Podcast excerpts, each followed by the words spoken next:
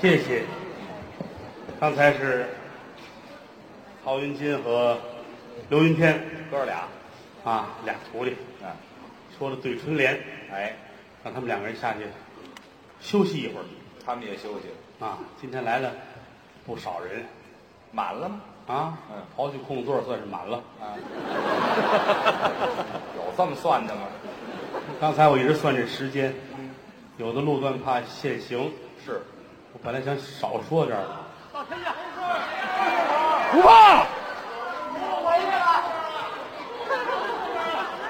一个一个说。你们要不怕，我就更不怕。好，不许起哄啊！各位都是有身份证的人啊你还正查这个？啊！今天来了好些个人，好几千人，嗯，有的是一家子来的，是，有的是带着孩子还没一家呢。啊，有的带着带着太太来的，有人带着别人太太来的。这您都能瞧出来啊？我看看举手，都有谁带别人太太来了？还真有聚少的呀、 豁出去了，这是像谦儿嫂，谁呀、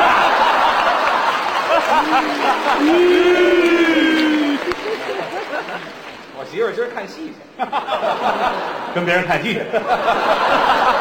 去。嗯 不管带谁来吧，希望你们快乐。那是啊，你看有人说，你看说谦儿哥，谦儿哥都不生气。嗨，这行这没办法，我也包括拍戏，嗯外边干嘛演出，男演员、女演员接触，啊，这很正常，那当然，因为工作嗯，反正这么些年，我看他们两口子有时也因为这抬杠拌嘴的没有过啊，反正有时嫂子问过这个，是吧？世上没有这不透风的裤子， 您老穿着开裆裤出来，不是不透不透没有不透风的，强对对对对，嫂子也问怎么回事儿，那天看这个照片儿啊你跟女演员一块儿照相怎么回事儿？那有什么呢？他这这嗨，这逢场作戏，对，逢场作戏，嗯嫂子乐了。啊，你这可连续剧啊！哎， 我老这样是吗？但不管嫂子怎么说，啊，谦儿哥没急过，那倒是，没瞪过眼，嗯没绷过脸，没动过手，咱这也叫怜香惜玉，哪澡堂子？澡堂子干嘛呀？怜香惜玉吗？哎， 您就去这地方是吗？你说的怜香惜玉吗？怜香惜玉，怜香惜玉啊！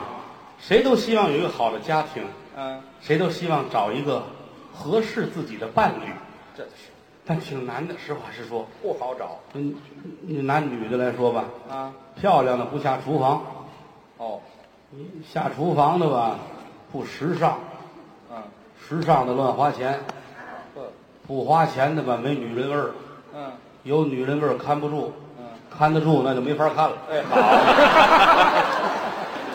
一点好都没有了，这个每人都希望有一段幸福的婚姻，啊，从古至今，多少个诗歌都写了这种内容和题材。有不少吗？哎呀，啊关关雎鸠，在河之洲。窈窕淑女，君子好逑。哎，这是名段还那叫什么来着？啊。哦，我住长江头，君住长江尾。嗯嗯，没袜子过河，哪一个来推我哟？什么乱七八糟的？有船吗？没有。哥哥没。行行了行了，什么呀这是？啊，我记得古诗里边写不少这个玩意儿。这都不在古诗之列。其实，我也特别希望有一个很好的一段婚姻。您啊，我眼前总有这么一张画儿哦，一张特别美满的油画，画什么呢？天青水碧，鸟语花香，嗯小溪潺潺，嚯、大森林绿油油的，啊河边飞过几只海鸥，啊！你先 等。河边有海鸥吗？海边儿海边。海边儿飞过几只河鸥， 哎，不叫人话了，您这个这个这这反正飞飞过几只小鸟去，那倒可以。林荫小道上嗯，公主和王子两人牵着手缓缓地走过来，嚯后面跟着一匹白马，还有马，一边吃着草，一边往前溜达着。嗯，王子这儿低声唱着歌唱的是：“我当个柴油工人多么重这要。”嗯个 呀，行了，你这还干活去了？这什么卖什么什么香油？什么柴油干嘛？还有香油石油啊？哦那也没有唱这个的，啊，石油王子嘛，好嘛？沙特那边来的那个哎，对啊，这 马怎么过来的？啊，马这边买的。 旁边公主也得唱。 啊，我们的祖国是花园，花园的花朵真鲜艳。哎小点河南的太阳照在脸上，没有人脸上小爱莲。哎，这词儿都不会啊。歌儿多好听！啊，荷兰的太阳照在脸上，美国人都是笑开颜哎，好，美国 世界大团圆，啊，一切都跟童话故事写的一样。没看过。王子和公主开始了没羞没臊的 生活，这结局不怎么样，没羞没臊的生活了。这是我的一个幻想。哦，我当年也交过一个女朋友，啊也交过朋友，她的名字叫爽，嘿，好名字。不能不能说人姓什么，名字叫爽。啊每当我到他们家找她，站楼底下喊“爽 啊，爽啊”，你知道小区多少人推窗户看我？人家不知道你干嘛呢，在底下，喊他的名儿。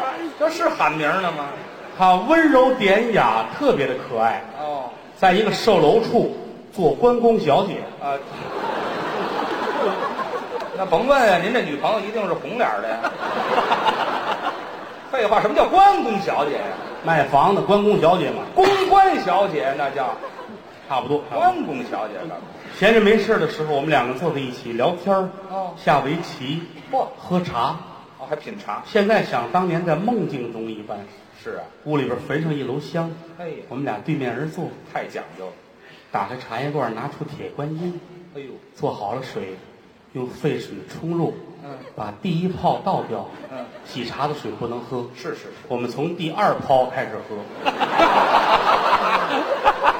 我喝了一泡又一泡，你们俩多骚气 呀！这一泡一泡的，你就没喝过茶水吧？我喝过，没喝过那么带味儿的，你得看色儿，这多新鲜呢！开始很黄，后来不黄了。啊，是，那是上火了，那是。喝一泡又一泡泡茶，啊，那对泡，我就一想到他，我情绪比较激动，对不起啊。一泡又一泡，哎嗨，一泡，别别倒腾这个了，这哎呀，我对他无微不至的照顾。是啊，他也提到这一点，是吗？他默默含情的对我说：“嗯你对我太好了，哦下辈子当牛做马，我也要给你打草吃。”哎，俩畜生这是。废话，那当牛做马了还喂您草那我当牛做马呗，那就是啊？不还是俩吗？一个他不是啊。那段美好的时光后来过去，嗯、我们俩经常吵架，还打呀？吵得很厉害。是吗他？指责我嗯、：“你冷酷无情，无理取闹。”我说：“你冷酷无情，无理取闹。”呵，你说谁冷酷无情无理取闹？我说你冷酷无情无理取闹，你才冷酷无情无理取闹，我才不冷酷无情无理取闹。要说我冷酷无情无理取闹，可不如你冷酷无情无理取闹。我根本就没有冷酷无情无理取闹。要说你冷酷无情无理取闹，就是你给我给我给我乱唠的。您是娶了哪个女说相声的？这吵完架之后，是啊，我们就分手了。那是他给我留了张条，啊不要再找我，啊，我死了。死了。说了断情的话呀，嗯嗯当时我就傻了。啊，晴天霹雳，打裤衩一声，裤裤衩儿一声，裤衩儿一声干嘛呀？就人都说呀，听裤衩一声嘛，这地方没有走儿化音的，知道吗？哭嚓一声，哭嚓一声也不像话呀！你别搅和我，谁搅我很和？抒情，你看，您这抒什么情都裤衩儿一声了，这个 我心爱的这个爽，他竟然死掉了，啊，我又到小区去找他，还找？我流着眼泪站楼底喊啊爽死了，哎， 爽死 了，看的人更多了，多新鲜啊！不同的阶段嘛，这是。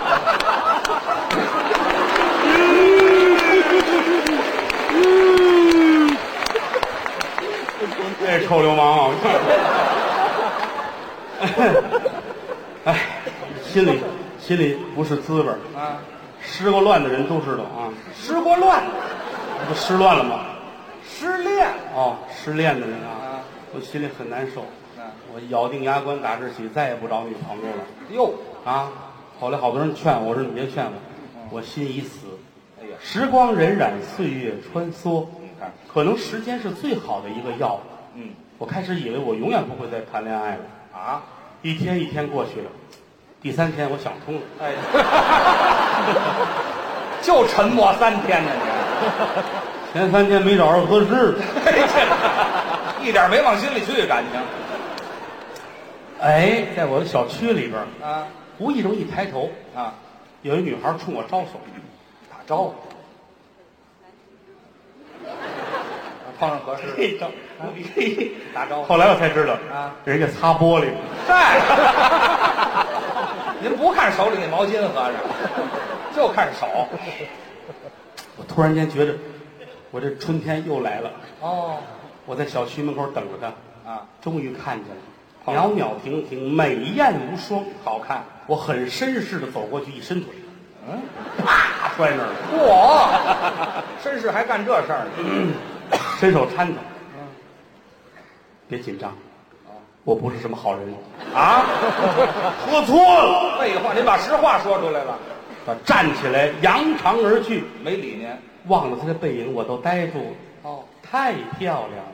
哦，似这样美貌的佳人，世上少见。如花似玉，貌似天仙，素口蛮腰，风月可间。如花似玉，就压倒了众婵娟。暗想到。此处不是蟠桃宴，却怎么月里嫦娥离了广寒？他好比采菊南山，阿娇女；我好比陈冠希。什么呀？ 唱着唱着，这两位又出来了，怎么？我下决心，我要追她，哦，追求人家。住在一个小区里面比较方便一点。哦，一出小区门，她买报纸嗯，我也买。嚯，真巧，你也买报纸啊？套近乎，没理你。走了，哦，门口公共汽车站啊等着。真巧，对，你也等公车呀？对门的超市啊，也碰见了，真巧，哎，你也逛超市啊？嘿，洗手间出来这儿洗手，真巧，啊，你也尿手上了。嗨，哎呀，他要真能尿手上，你还追人家吗？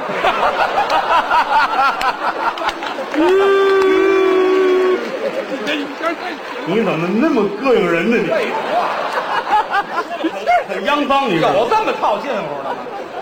那姑娘站住了，你格贫多了，你到底要干嘛呀？哎，你说清楚了吧？我说我很仰慕你，嗯你觉得我哪里不好？嗯我改。啊， 姑娘点点头，你觉着我哪儿好，我改。一点戏都没有，这恋爱又失败了，可不吗？心情正沮丧的时候，啊，有人给我介绍一个女朋友，哦，介绍相约在外边见面。哦，天儿挺冷的了，是吗？木叶尽脱，西风正紧，北雁南飞，已是深秋。哎呦，冷了，我们两个人坐在公园的大长椅上，嗯，我仔细参观了一下她，看了看，大约有个一米四左右，倒是般配，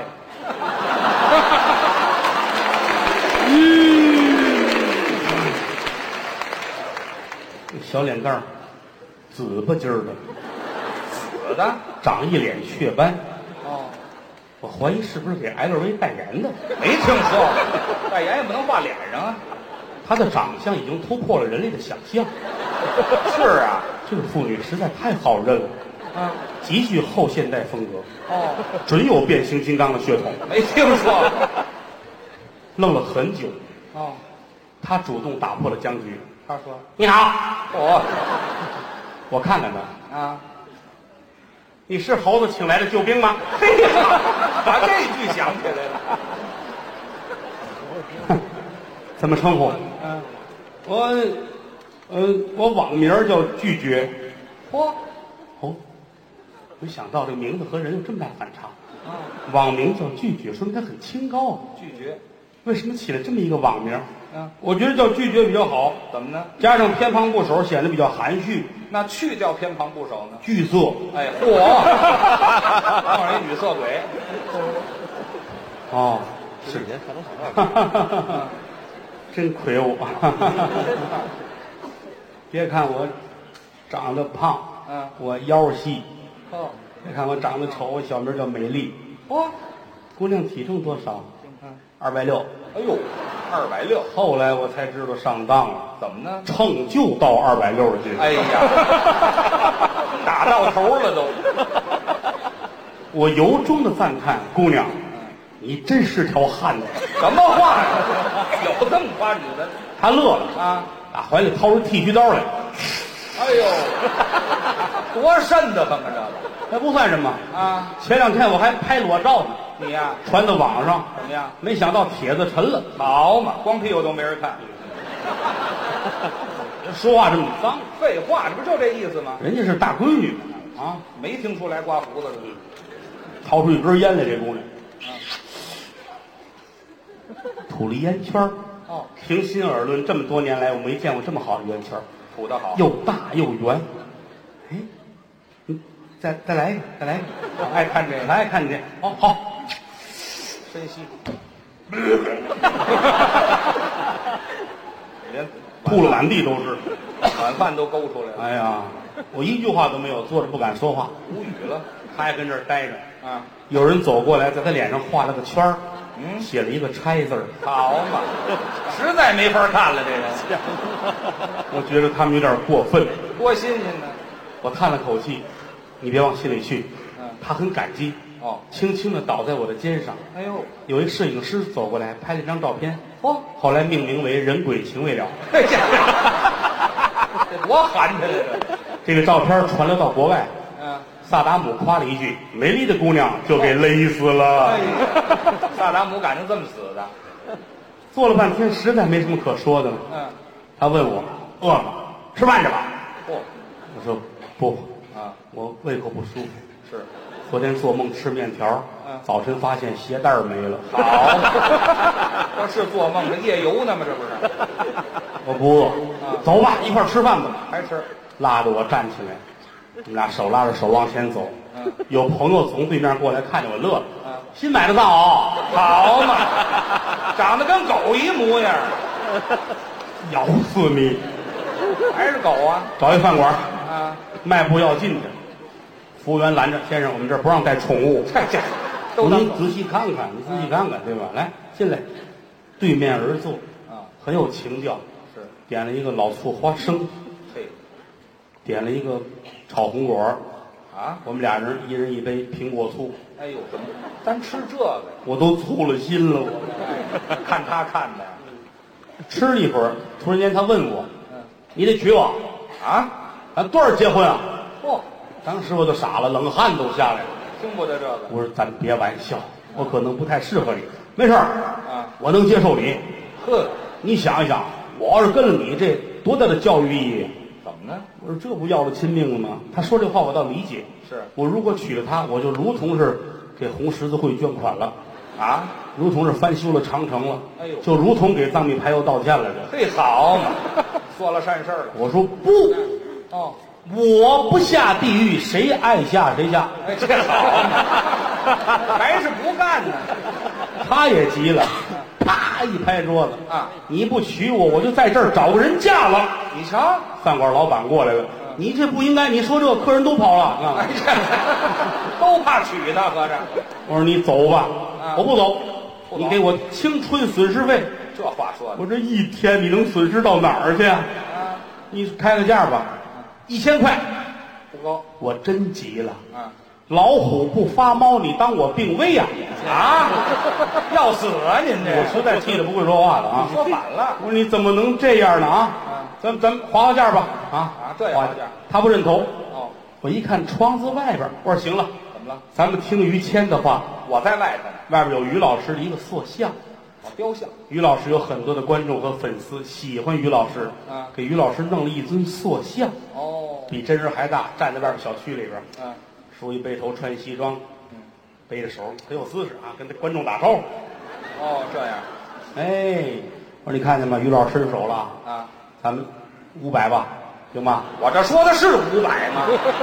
打招呼了吗？你你别骗他呀！啊你说一千，我给五百，五百哪儿的事儿？猪肉都涨价了，我怎么才五百呢？啊我说猪肉还能吃呢，你看看你有利用价值吗？是吧？哎呀，行行行，明天，我明天明天上午十点，于老师塑像这儿，咱俩见面，五百块钱。给钱，他走了，我觉得不值啊！那是哪儿啊？我遛一天狗花五百块钱，啊，是遛狗出来了，找一朋友，啊赶紧于谦那塑像夜里去了，手指头敲掉仨，给两百啊！改二百了，哎，安排完了，转过天上午十点，嗯塑像底下见面，哎，掏二百元给他，拿走。拿走吧，凭什么呀？凭什么呀？啊！于老师说给二百，对知道吗？你抬头看看，嗯我一抬头没把我气死，怎么了啊？这手是这样 的，敲的这仨呀，把这仨敲掉了，嘿，好嘛，又多一百他乐坏了，啊，六百。于老师说给六百，哎嘿，这俩人真听我的我气的啊！啊，那没办法了，给人家吧。给完六百之后，扭头找我那朋友去了。是啊你真缺德呀啊啊！我让你敲掉那个，你怎么这么敲的？我多花了，你知道吗？对呀嗯把事儿一说，他乐了。你认便宜？怎么我敲成这样，你给八百。更多了。感谢您的收听，去运用商店下载 Patreon 运用城市，在首页搜索海量有声书，或点击下方链接听更多小说等内容。